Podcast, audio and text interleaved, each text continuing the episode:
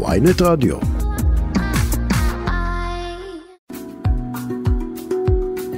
צהריים טובים, אתם מאזינים ל"חוץ מהכל", תוכנית שבה נצא לשעה אחת מהשכונה הקטן, הקטנה שלנו בלבנט ונעשה סיבוב קטן במקומות אחרים בעולם. היום נדבר על אה, ראש הממשלה החדשה של בריטניה והאישה השלישית בתפקיד. נדבר על המשבר הכלכלי באירופה, לראשונה מזה 20 שנה האירו ירד מתחת לדולר. אחר כך, אסון הטבע בפקיסטן, קרוב לאלף בני אדם מתו בשיטפונות שם. ננסה להבין את ההשפעות החברתיות דווקא של אה, שינויי האקלים. ונסיים עם בריטני ספירס, שחוץ מזה שהיא משתפת את כל העולם בסכסוכים המשפחתיים שלה, הוציאה שיר חדש עם אלטון ג'ון. את התוכנית עורכת טס גדות, חגי בן עמי הוא הטכנאי, אני ענת ברמן, אנחנו מתחילים. אז אה, לפני שנצלול לנושאים האלה, נעשה סקירה קצרה של העיתונים והאתרים המרכזיים בעולם, נראה מה מעסיק היום אנשים כמונו במדינות אחרות.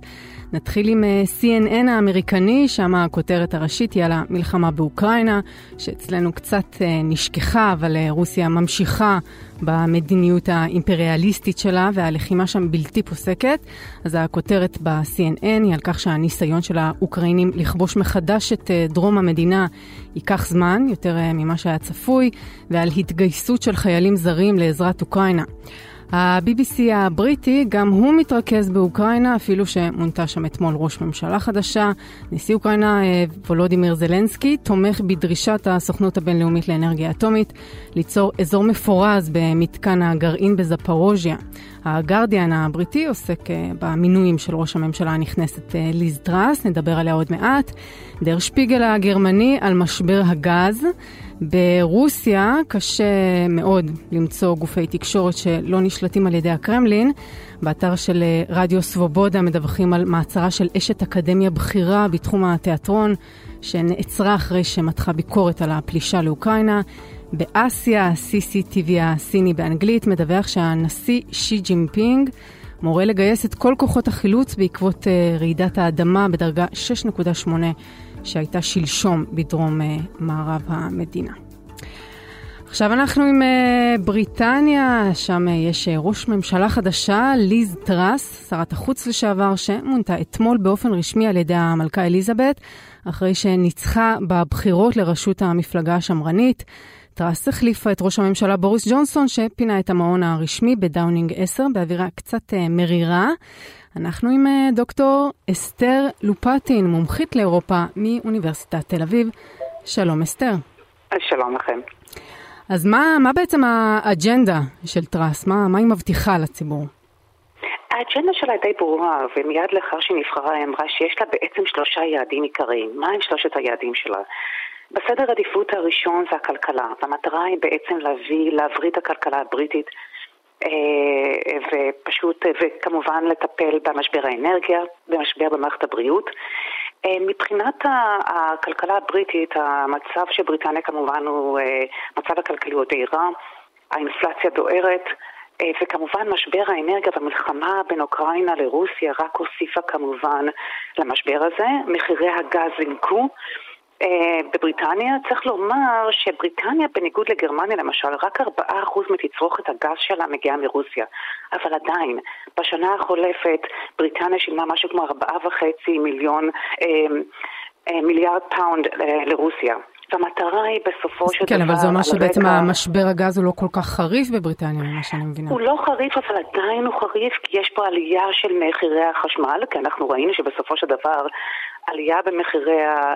ראינו את זה בכל אירופה, עלייה ביוקר המחיה ועלייה במחירי החשמל אה, בעקבות, אה, והנפט, בעקבות כמובן אה, המשבר בין רוסיה לבין אוקראינה, זה השפיע גם על מוצרי... מוצרים בסיסיים. כן, זה, זה נראה שבאמת המצב הכלכלי הוא נמצא בראש סדר העדיפויות אצלה. בהחלט. אני רוצה להשמיע רגע קטע קצר מה, מהקמפיין של טראס. כן. Two thirds of our cheese That is a disgrace. שמעתי את זה כי אני חושבת שזה מבטא איזשהו שינוי, הבדל של טראס מה, מה, מהמתמודדים שהיו מולה, שיש פה בציטוט הזה הבטחה לא רק לרפורמה כלכלית, היא דיברה כמובן על היבוא של גבינה, שזה בושה, כן, בושה כן. לאומית כן. שמייבאים בהחלט, גבינה. בהחלט. יש פה נימה גם מאוד, מאוד פטריוטית, כאילו יבוא גבינה זה לא רק סוגיה כלכלית, אלא כמו שאמרתי, ממש בושה לאומית. יש פה רטוריקה קצת פופוליסטית אולי? במידה רבה, אבל אני חושבת שצריך לזכור שאחד הדברים שטראס הבטיחה בין היתר זה להקטין את התלות הכלכלית ברוסיה ובסין. אגב, גם רוסיה וגם גם הרוסים וגם הסינים לא כל כך מתלהבים מהבחירה שלה. שר החוץ הרוסי אמר אתמול אה, שלבריטניה יש בעיות קשות של זהות אה, ומכיוון שבריטניה עזבה את האיחוד האירופי היא מרגישה צורך לנקוט, אה, לפצות על כך ולכן היא נוקטת בקו מאוד נוקשה בזירה הבינלאומית הוא מתכוון כמובן לקו שנקטה בריטניה כלפי רוסיה וטראס אמרה שהיא מתכוונת כמובן לאמץ את אותה גישה שבוריס ג'נסון אימץ כלפי רוסיה ולנקוט בקו התקיף והחריף כלפי רוסיה אה, ולגבי הסינים, גם הסינים לא מתלהבים מהבחירה שלה, ומאחורי הקלעים הם אמרו שמדובר בראשת ממשלה די בינונית, אבל כמובן זה די ברור מדוע הם אומרים זאת. סין והיא בעצם נמצאת באותו אה, סל עם רוסיה, מבחינת אה, כוחות הרשע? או, ש, או שזה אינטרסים שונים? תראי, הזכרת את העניין הכלכלי. צריך להבין שבעולם של המאה ה-21 הרבה מאוד מוצרים מגיעים מסין. האיחוד האירופי, ובריטניה לא חלק מהאיחוד האירופי, אבל עדיין רוב מדינות אירופה וגם ארה"ב מייבאים מוצרים רבים מסין. המטרה היא בסופו של דבר להקטין את התלות הכלכלית בסין. זו המטרה של מדינות רבות אגב באירופה, לא רק רק של בריטניה. למה? כי אין אמון מדברת... בסין? לא הבנתי, לא שמעתי את השאלה. כי אין אמון בסין? זה לא שאין אמון בסין, אתה רוצה בסופו של דבר אה, שהדברים האלה יהיו, אה, שמוצרי אה, תצרוכת, אה, מוצרי צריכה בסיסיים למעשה יגיעו מהכלכלה הבריטית ולא אנחנו, לא מסין או מדינות אחרות בעולם, לתת בעצם עבודה ותעסוקה לאזרחי בריטניה ולא לאזרחי סין או אזרחים אחרים בעולם. זו המטרה בעצם, לחשוב בעצם על מדינת הלאום וזה חלק בעצם מה... מהגישה והשמרנית, מה, אה, מהמשנה השמרנית. אנחנו צריכים לדאוג בראש ובראשונה לבריטניה, אה, זה הנוסח טראמפ, America first, Britain first. דיברת באמת, אה, הזכרת מקודם את הברקזיט. כן. אנחנו יודעים שטראס שינתה צורה ושינתה עמדות כמה פעמים. תוך היא הייתה, היא תמכה, כן, היא התנגדה לברקזיט, אחר כך היא תמכה בברקזיט.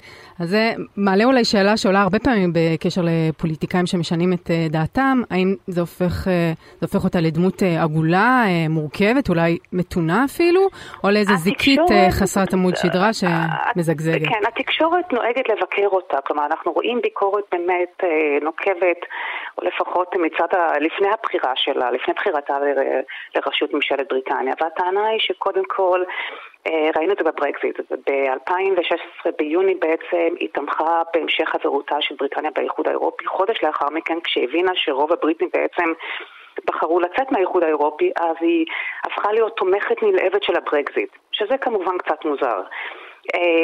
אז אה, למה היא זוכה בעצם לכזאת תמיכה במפלגה השמרנית? היא זוכה לתמיכה בגלל המשנה הכלכלית שלה. צריך לומר שהיא מגיעה מבית מאוד ליברלי.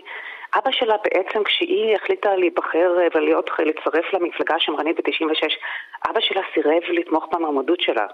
הוא פרופסור למתמטיקה, הוא, אה, הוא היה מאוד, אה, הוא תומך נלהב של מפלגת הלייבור, והיה קשה לו עם זה שביתו כמובן החליטה להצטרף למפלגה השמרנית. העמדות שלה, אגב, החברתיות, הסוציאליות, הן מאוד ליברליות. היא תומכת ב gays and lesbians, מאוד ידידותית לסביבה, היא תומכת אפילו בלגליזציה של הקנאביס למשל. אה, היא מאוד מאוד מאוד אה, ליברלית. זה מעניין שאת אומרת שהיא מאוד ליברלית, כי אני הבנתי שהיא דווקא בתוך המפלגה השמרנית, ש... שהיא נבחרה עכשיו, היא פונה דווקא לקהל היותר אה, שמרני, הלבן, המבוגר בגלל יותר. בגלל המשנה הכלכלית שלה, בגלל המשנה הכלכלית שלה. ולמרות שהיא תומכת ברפורמות ליברליות? מה שגרם לה להיבחר כי חד משמעית, מה שחשוב מבחינתם, והיא אומרת את זה כל הזמן, אני תומכת בכלכלה חופשית, אני תומכת בליברליזציה של המסחר, ואחד הדברים שכמובן הפכו אותה למועמדת מאוד אטרקטיבית אה, על פני אה, רישי סונאק, זה העובדה שהיא הבטיחה לקצץ במיסוי למעמד העליון ולאנשי העסקים. וזה כמובן, כמובן הפך אותה לסופר אטרקטיבית. וזו הסיבה העיקרית מדוע הם בחרו בה. הבנתי עכשיו, אה, את אמרת שהיא אה, תמשיך בעמדה הניצית אה, כלפי רוסיה, תמשיך בעצם את הקו כן, שהכתיב בוריס ג'ונסון, שבאמת יצא ככה בסערה, אפשר להגיד, מדאונינג 10. מה, חזרה קצת אלינו, מה, מה זה אומר לגבי ישראל? היא תמשיך גם בתמיכה נלהבת כמו בוריס ג'ונסון, או שיש לה... בהחלט, אפילו יותר אני חושבת. היא אמרה את זה לא פעם שהיא מתכוונת קודם כל להעביר את השגרירות מתל אביב לירושלים. היא לוחמת גדולה נגד ה-BDS, נגד אנטישמיות, אה, והיא מאוד אוהבת החדשנות הישראלית ורוח היזמות בישראל. ודבר, אחד הדברים הראשונים שהיא הולכת לעשות זה אה, לחתום על הסכם FTA, הסכם סחר חופשי עם ישראל. זה אומר שבעצם יהיה מעבר חופשי של סחורות ומוצרים תעשייתיים ללא הטלת מכס בין בריטניה לישראל, שזה כמובן מצוין לנו. ולבריטים כמובן. שזה גם uh, בפן הכלכלי. עכשיו, רק uh, מילה אחרונה על זה שהיא uh, האישה שלישית בתפקיד, נכון? כן. הייתה את מרגרט תאצ'ר, שהיא מאוד, אני חושבת, נהנית מההשוואות לתאצ'ר, והייתה את תרזה מיי, כולן, אגב, מהמפלגה השמרנית, זה מפתיע? לדעתך? זה מאוד מעניין. אני חייבת לומר שזה לא מפתיע אותי, ואני אמרתי, אני חושבת... לא פעם באחד הראיונות, שכשמסתכלים על הפוליטיקה האירופאית, רוב הנשים החזקות הן בעצם משתייכות למפלגה השמרנית. רואים את זה בצרפת אצל מרין לפן, ראינו את זה בגרמניה, אה, במפלגה השמרנית, אה, בעצם מרקל הייתה מ-2005 עד 2021 קאנצלרית גרמניה, כלומר אנחנו רואים שבעצם משום מה המפלגה השמרנית מאפשרת לנשים יותר לככב באשר מפלגות שמאל, וזה חבל כמובן, אבל אנחנו רואים את זה לצערי יותר ויותר כן. הפוליטיקה האירופאית. זו כן. מגמה מעניינת, שאגב, נראה לי שבארצות הברית זה לא בדיוק ככה. לא, אה, ממש לא. אבל אה, כן. תודה רבה לך, אה, דוקטור אסתר לופטין. תודה לכם. תל אביב. תודה שדיברת איתנו. עכשיו אנחנו עם המשבר הכלכלי באירופה שהפך בשבועות האחרונים מהערכה לעובדה שעוסקים בה לא רק בעיתונות הכלכלית, ראינו גם אה, קודם שזה הדבר המרכזי שנמצא על סדר היום של אה, פוליטיקאים ומדינאים ביבשת, כמו ליז טראס. אה, השבוע דווח שהאירו נמצא בשפל של 20 שנה מול הדולר האמריקני.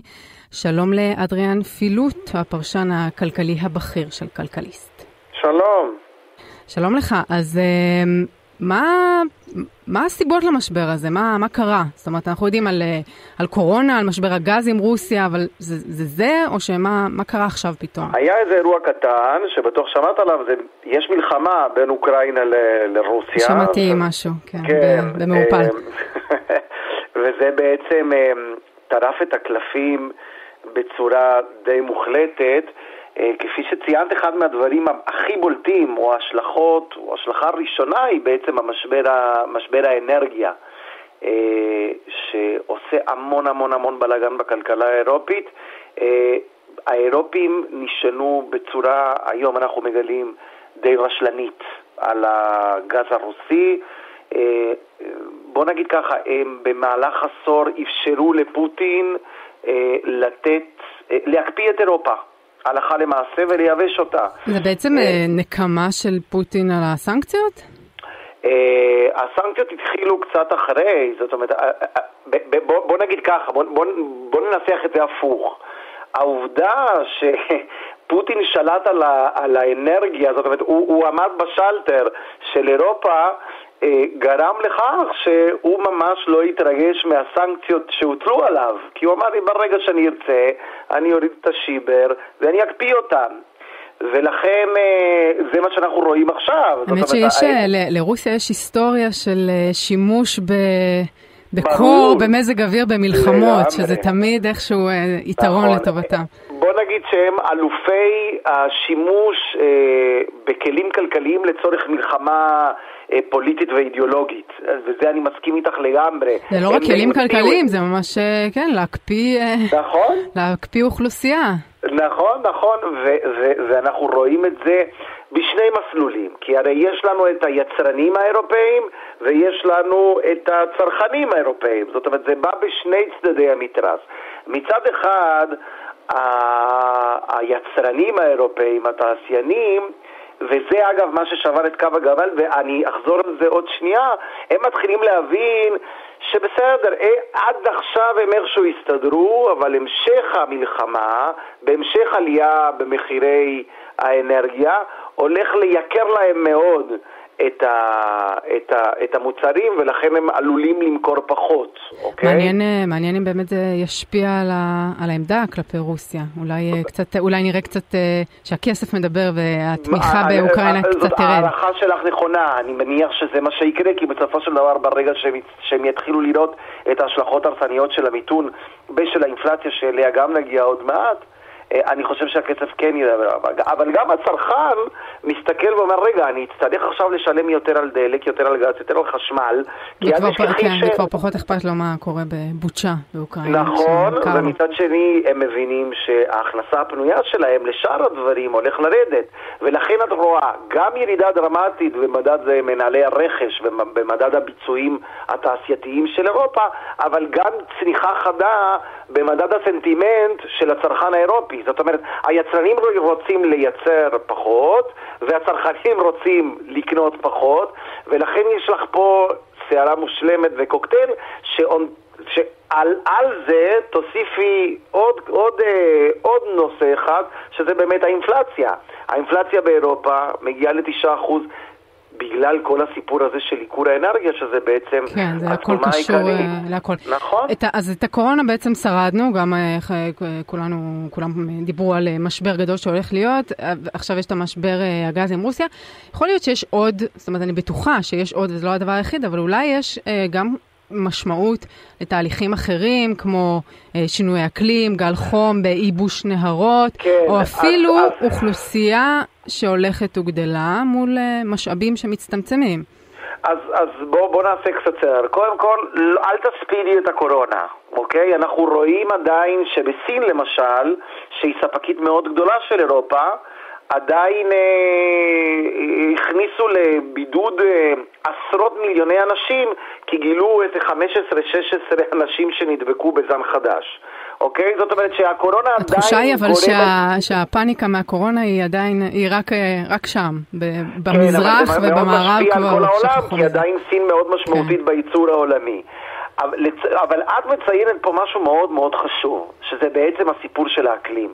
לפני שבועיים דיווח בלומברג או רויטרס, אבל סוכנות כלכלית לגמרי, זה היה אייטם כלכלי, לא פוליטי, לא גיאופוליטי, לא אקלימי, ממש אייטם כלכלי לגמרי. כן. שיבוש, שהבצורת וגלי החום שמהם סבלו, אה, סבלה אירופה, גרמה לייבוש נהרות. שזה מה, פוגע ו... ב... בסחר? לגמרי. בייצור, ביבוא? אני הייתי בהלם. למה? כי הנהרות התייבשו בצורה כזאת שהמים ירד וקצת יצאה האדמה. ובאוניות, בגלל המשקל שלהם, עלולות להיתקע שם וליצור mm. פקק. ואז התחילו לסגור ממש ברין, בדנובה, שהם בעצם, תקשיבי, 50-60 אחוז מהסחר הבינלאומי, זה, זה, זה, זה ימי. אז זה בעצם המשבר הכלכלי הזה באירופה, יש לו השפעות אה, הרבה יותר רחבות. אני מניחה גם אה, אמריקה ואסיה ואפריקה יושפעו מה, מהדבר הזה. בוודאי. וגם אנחנו כמובן, אל תשכחי גם כן שאירופה היא הגוש הכלכלי השני בגודלו בעולם. אה, אנחנו מדברים על שישית מהתוצר העולמי, וזה גם הגוש המסחרי הכי משמעותי בעולם. זאת אומרת שאת לא שזה, לא שזה ישתנה בעשורים הקרובים?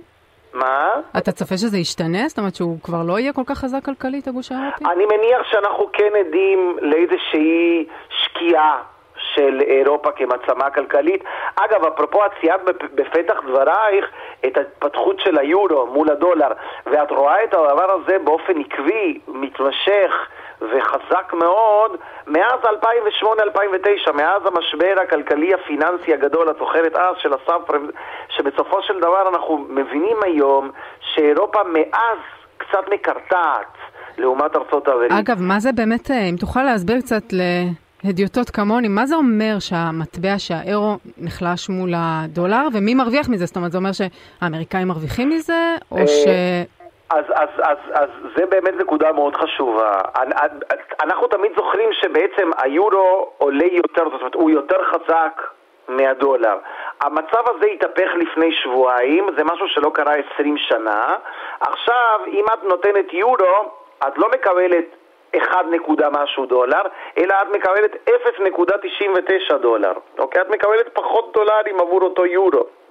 אז זה פוגע אומרת, באירופאים, אבל איך האמריקאים... זה פוגע באירופאים במובן מסוים, שזה בעצם מראה על, על כך שהשווקים, זאת אומרת, השחקנים הכלכליים והפיננסיים, חושבים שאירופה הולכת להיחלש לעומת ארצות הברית.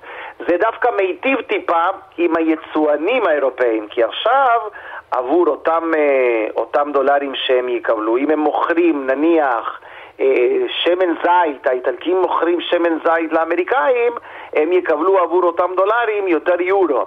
אז זה קצת מחזק, אוקיי? זה קצת, כן, אבל בלונגרן, בטווח הארוך, ההתפתחות הזאת מראה שהשווקים הפיננסיים, המשקיעים, מהמרים נגד היורו. זאת אומרת, הם לא אופטימיים כלפי הכלכלה הזאת, והם אומרים זו כלכלה יותר חלשה מהכלכלה האמריקאית, ולכן הדבר הזה, החולשה הזאת חייבת להשתקף גם במטבעות.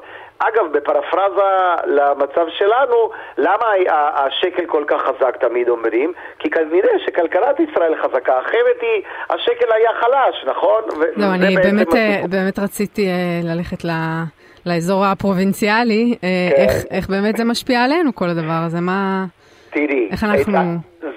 אירוע מאוד מאוד מאוד חשוב. אפרופו הפרובינציאליות שלנו, לפעמים אנחנו עוסקים במה שר הכלכלה אמר לשר העבודה ועושים מזה כותרות ראשיות, ופחות מבינים שמה שקורה שם עכשיו ביבשת הזקנה הזאת יכולה להשפיע פי מאה או פי מאתיים יותר מכל אה, אירוע פנימי קטנוני וקטן שמתרחש במשק שלנו.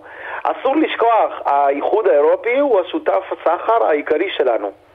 זאת אומרת, אירופה היא הלקוחה הגדולה של ישראל, והיא גם הספקית הגדולה בעולם של ישראל. 50 אחוז, מחצית מהיבוא, אני מנטרל את היהלומים שתמיד עושים בלאגן ולא ממש משמעותיים, כי אנחנו מייבאים אה, יהלומים, עושים לו תהליך ומוציאים, אז יהלומים מוחקים.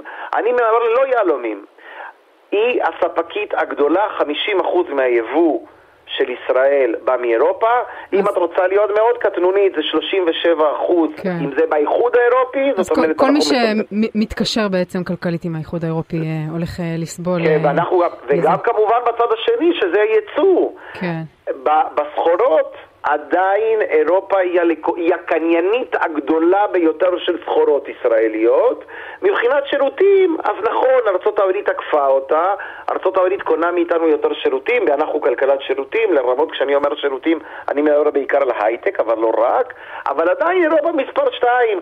בסך הכל, אם את מסתכלת על הנתונים של 2021, אנחנו מדברים על כך שהישראלים, אנחנו, המשק שלנו, אנשי עסקים שלנו, העובדים שלנו, מוכרים לאירופאים 30 מיליארד דולר לשנה. זה סכום עתק, עתק. טוב, ולכן, אה... אם הלקוחה סובלת או מאבדת כסף, אנחנו עלולים לשלם מחיר לא קטן. טוב, בנימה לא כל כך אה, אופטימית אה, זו, נסיים. תודה רבה, אדריאן פילוט. תודה לכם. השיטפונות שפקדו את פקיסטן בשבוע שעבר גבו את חייהם של קרוב לאלף איש. התמונות שמתפרסמות ברחבי הרשת בימים האחרונים ממחישות את ממדי ההרס של אסון אה, טבע בסדר גודל כזה. חוץ מהמתים הרבים, אלפים נפצעו ורבים איבדו את בתיהם ואת אה, רכושם. נשוחח עם השליח המיוחד לשינויי האקלים במשרד החוץ, השגריר גדעון בכר. שלום גדעון. שלום וצהריים טובים. צהריים טובים. אז אה, משבר האקלים כידוע מכה כל פעם במקום אחר, הפעם בפקיסטן, אבל אנחנו באמת כבר uh, מורגלים לקרוא על שריפות ענק ועל uh, שיטפונות ועל הצפות. אנחנו מבינים את הנזק שבחיי אדם ואת הרס הטבע, אבל אנחנו כמעט לא שומעים, לפחות בתקשורת המיינסטרים, על ההשפעות הרחבות העקיפות של האירועים האלה.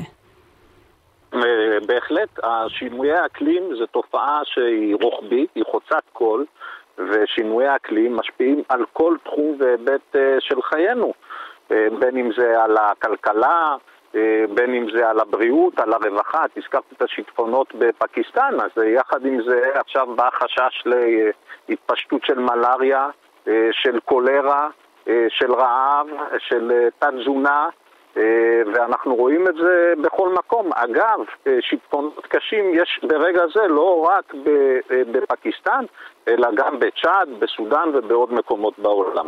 זהו, אפרופו צ'אד וסודאן, בסוף המדינות העניות סובלות אה, אני מניחה, הרבה יותר משינוי אקלים, כי הן, כי הן לא ערוכות, הן פחות עמידות, התשתיות שם פחות חזקות, וגם כנראה שיותר קשה להן אה, להתאושש מאסונות אה, מהסוג הזה, זאת אומרת, הן פגיעות יותר. זאת אומרת שבעצם הנזק מאסונות טבע בעולם השלישי הוא יותר כבד מהעולם הראשון? חד משמעי, את צודקת לגמרי בעניין הזה, ואנחנו קוראים לזה צדק אקלימי.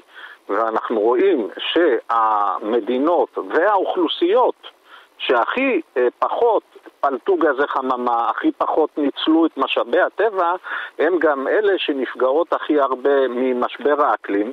וכאשר זה קורה, עשו גם, עשו על זה מחקרים, לדוגמה אה, בעקבות אה, שיטפונות בבנגלדש, ראו שאוכלוסיות עניות באופן יחסי, אחרי שיטפונות ומכות טבע קשות, איבדו חלק יחסי גדול יותר של הרכוש שלהם מאשר אוכלוסיות אה, עמידות.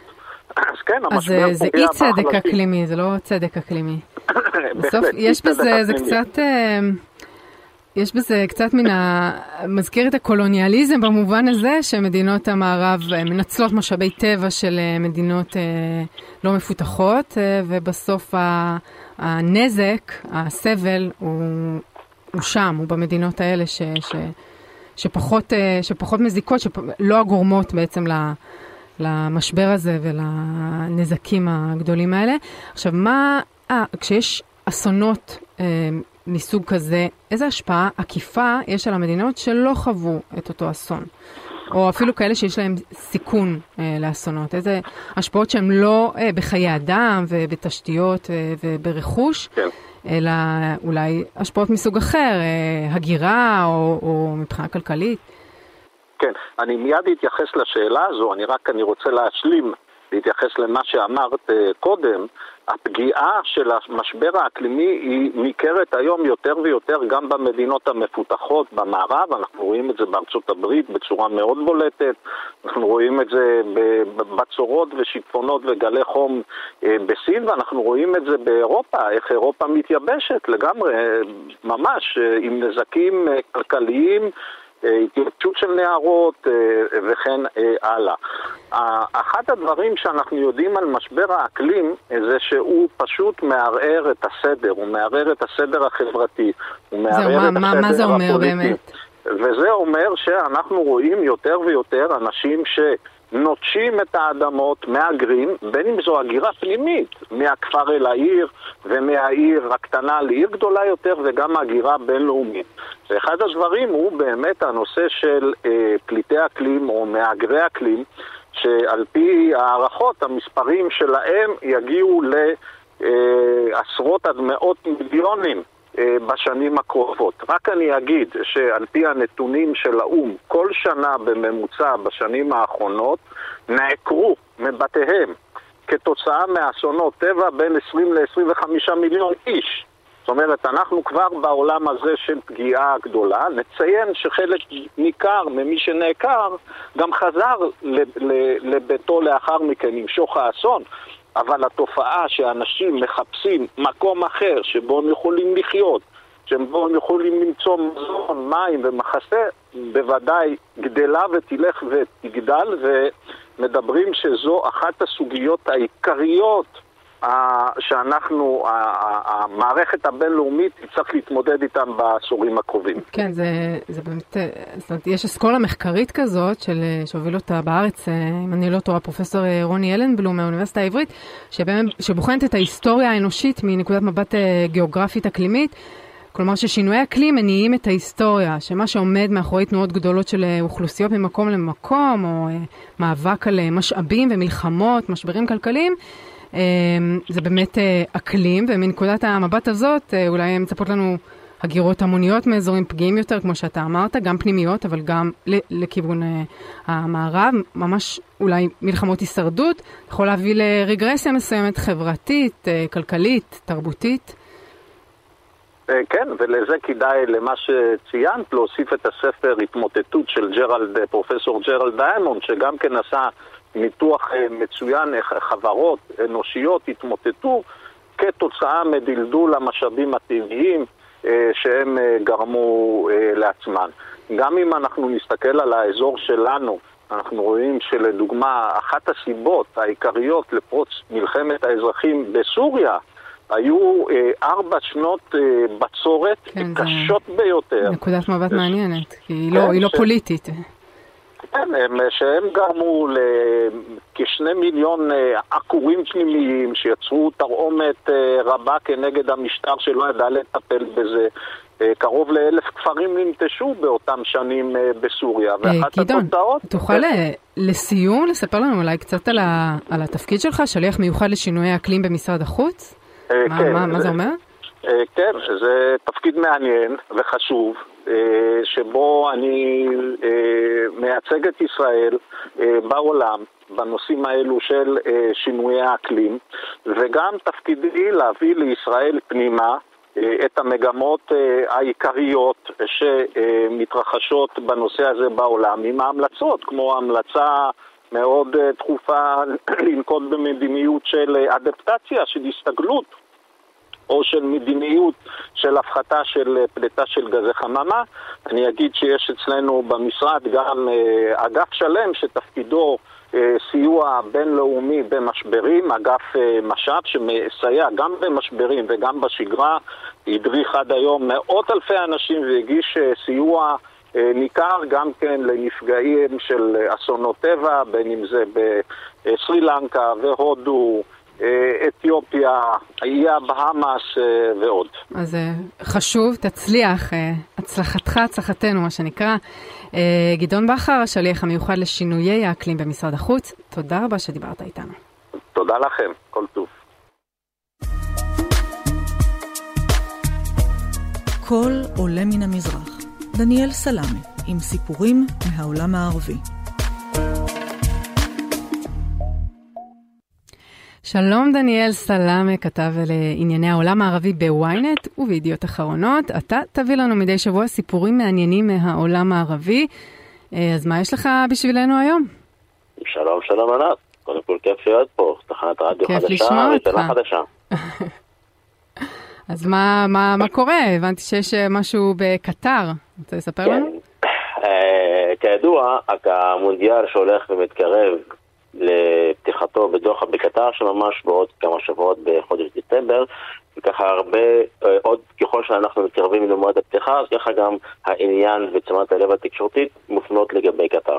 בשבוע האחרון עולות טענות מאוד מטרידות על כך שטייסים בחברת התעופה הקטרית, קטר איירווייז, חווים מקרי קיצון של עייפות בזמן העבודה בגלל לוח הזמנים המאוד מאוד צפוף. זה הגיע למצב שחלק מהטייסים אפילו מדווחים על זה שהם אה, נאלצו להירדם, נרדמו בזמן טיסה. אז קטר איירווייז, אתה אומר לא, לא לטוס איתם בזמן הקרוב לפחות. לא, כנראה שהצוותים שלהם אה, עובדים שעות נוספות הרבה ממה שהם צריכים. עכשיו, כל הסיפור הזה עלה בתחקיר של רשת של, של אתר החדשות ההולנדי NSO, שהם אה, קיבלו את התלונות וככה הצליחו להיכנס לקבוצת פייסבוק סגורה שיש בה אנשי צוות אוויר של חברת התעופה ולקטו משם כל מיני ידיעות וגם הצליחו לשכנע כמה טייסים לדבר איתם בעילום שם. ענת, התמונה שעולה משם היא די מדאיגה. הטייסים שם אומרים שהם נרדמים לפעמים לפרקים של עשר שניות כמה וכמה פעמים אה, במשך הטיסה. אחד מהם מספר, נכון שזאת לא שינה עמוקה, וזה הציטוט שלו, הוא אומר, נכון שזה לא שינה עמוקה, אבל כשזה קורה לך כמה וכמה פעמים במהלך אותה טיסה, בסופו של דבר אתה מרגיש כאילו אתה שיכור. קצת, אה, קצת מלחיץ הייתי אומרת. זה באמת, זה מלחיץ. מצטרף אה, לדיווחים על, על הפרות זכויות אדם בכלל בהכנות למונדיאל, זה ספציפית לא קשור אולי למונדיאל, אבל זה יהיה נכון. קשור כשהמונים יטוסו, אוהדי כדורגל יטוסו לצפות במשחקים. אז זה גם, סוג, זה גם סוג של עינוי, מניעת שינה זה, זה גם עינוי אה, במובן מסוים. אז זה צריך להטריד אה, רק אוהדי כדורגל, או, תראי, או, שכאילו, או שאחרי המונדיאל זה כבר... אה, ממש מיליונים לא מרחבי העולם צפויים להגיע לקטר אה, בזמן הקרוב, כמובן סביב חודש דצמבר. אז כבר מעכשיו יש איזושהי עלייה מסוימת בתיירות המדינה שהיא הולכת ועם מעלה עניין, אז בכלל כל מי שצריך לטוס לשם אנחנו לא אומרים ש...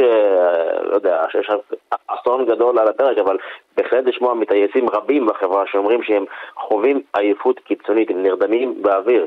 הם, אה, אה, חלק מהם אמרו גם שהם לא מוכנים לדווח על זה, על הממונים שלהם, כי הם חוששים מהשעיה, מפיטורים, ממכתבי אזהרה. המשטר אגב מעורב בזה? יש שם אה, תגובות או שמתעלמים? יש תגובה של חברת התעופה שאמרה שאנחנו מכירים את המקרים האלה, אבל מדובר בטייסים לשעבר, וכרגע יש לנו נוהל אחר לשיבוץ טייסים, ויש גם, הם אמרו גם שיש חברה חיצונית שהם שכרו אותה כדי שתבחן את כל התהליך של שיבוץ אנשי צבר אה, לטיסות, וכדי להקפיד על שעות המנוחה שמחויבים על פי חוק. אבל בדיוק כמו שאמרת, כל זה מצטרף לעוד טענות שעלו לא רק עכשיו בזמן המונדיאל, אלא בכלל בשנים האחרונות, בזמן כל ההכנות, בעצם לכל הפסיליטיז והבניינים שהקימו לטובת המשחקים, על טענות על פגיעה משמעותית בשכר ובתנאים של עובדים זרים, שהם לא קטרים, שהגיעו לשם כדי לעבוד. אגב, אם אני לא טועה, זה היה, הטענות האלה היו הרבה לפני המונדיאל, כבר נכון, שנים, נכון, על נכון, עובדים זרים מאתיופיה, אני חושבת, אם אני לא טועה, על ממש הפרות קשות של זכויות אדם שם. נכון, הטענות האלה הן ממש לא חדשות, הן קיימות כבר אה, זמן רב. כמובן שככל שאנחנו מתקרבים למונדיאל, אז יש יותר ויותר אה, אה, עניין שעולה. כבר לפני שנתיים-שלוש היו, אה, בדיוק כמו שאמרת, טענות על הפרות מאוד קשות של זכויות עובדים, אפילו זכויות אדם נגד אותם עובדים זרים שהגיעו לקטר, כדי בעצם לעבוד על כל התשתיות והמבנים. צריך, צריך להרים שם המון בניינים מאפס, וצריכים לעמוד ב... לוחות זמנים מאוד מאוד צפופים. אגב, זה אז... קצת uh, מזכיר את, uh, את המתמחים אצלנו, שגם הם אחראים uh, לחיים של אנשים, והם uh, לפעמים uh, נרג...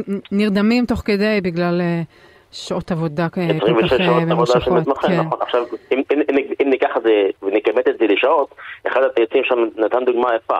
הוא אמר שהרוב הקווים של קטר זה טיסות מאוד מאוד ארוכות. תחשבי, ישראל, סן כן. פרנסיסקו, ארוכות, סליחה, ישראל, קנדה. אז בשבילם זה דוחה ליעדים בצפון אמריקה ובמזרח הרחוק, טיסות שלפעמים מגיעות ב-13 ו-14 שעות טיסה ואפילו יותר. אז דניאל, לא, לא לטוס בקטר איירווייז.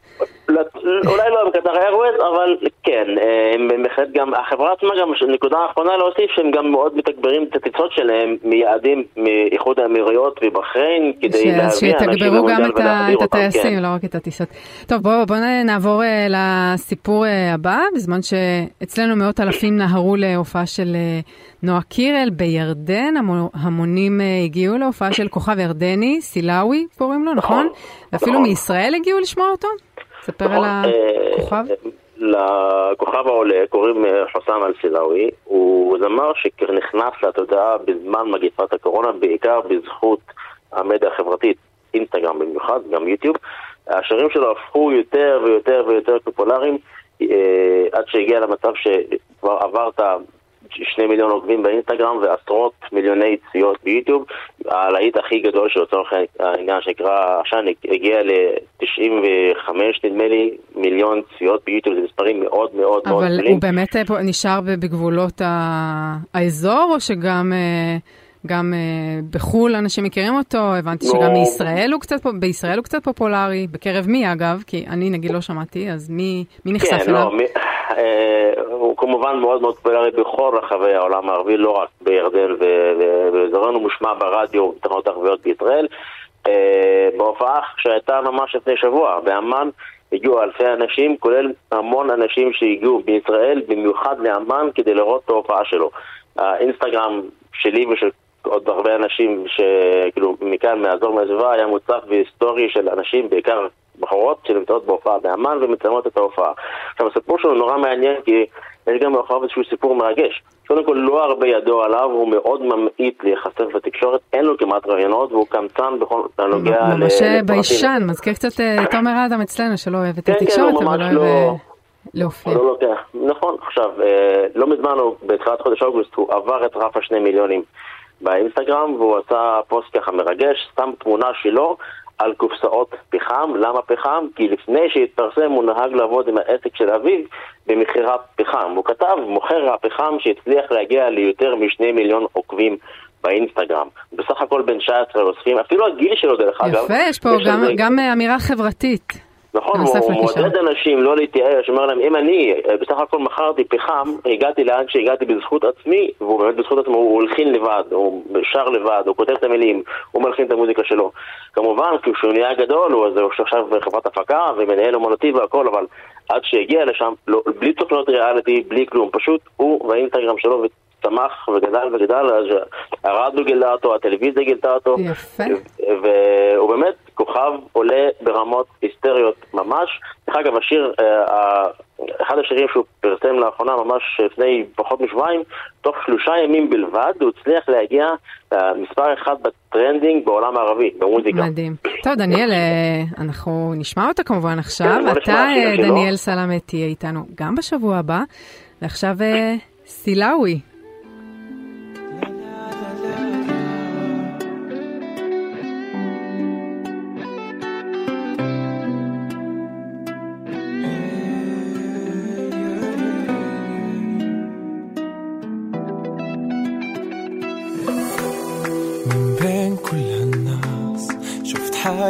فيكي.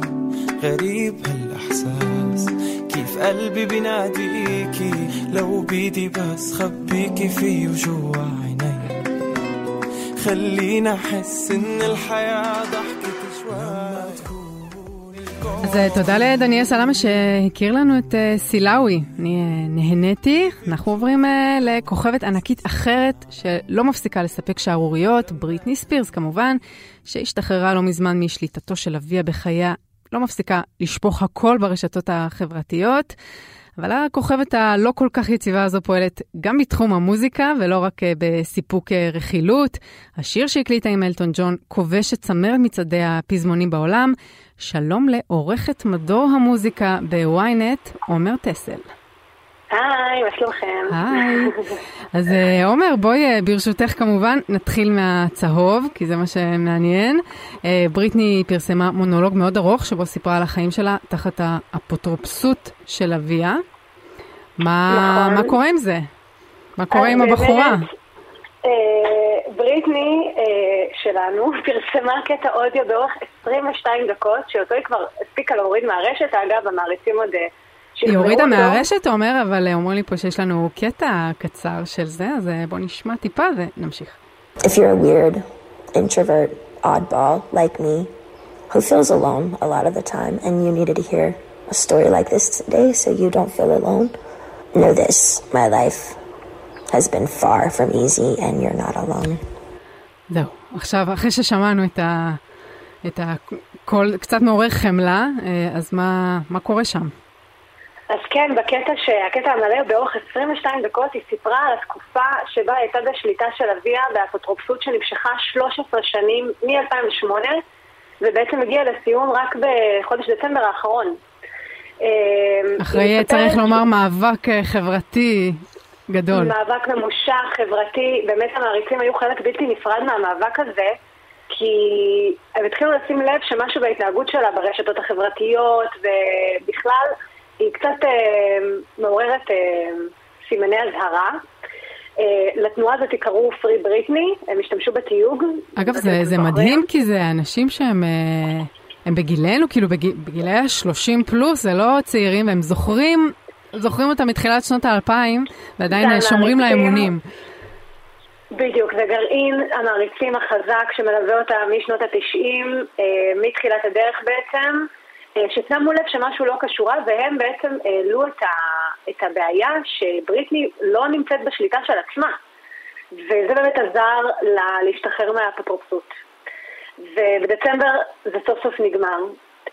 והזמרת עכשיו חושפת בקטעים האלה שהיא מעלה ומוחקת מהרשת כל מיני סיפורים שבעצם עברו עליה בזמן שהייתה בהסדר הזה.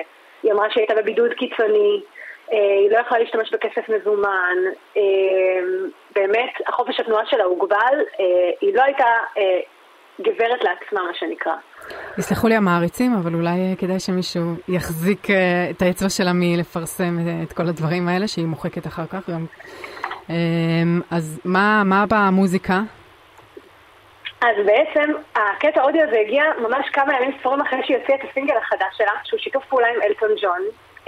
לשיר הזה נקרא Hold Me Closer, שהמעריצים של אלטון ג'ון דווקא יזהו את זה כי זה שורת המפתח מהפזמון של טייני דנסר מ-71, שיר אחד המפורסמים של אלטון, שגם היה בפס הקול של הסרט כמעט מפורסמים, מי שזוכר.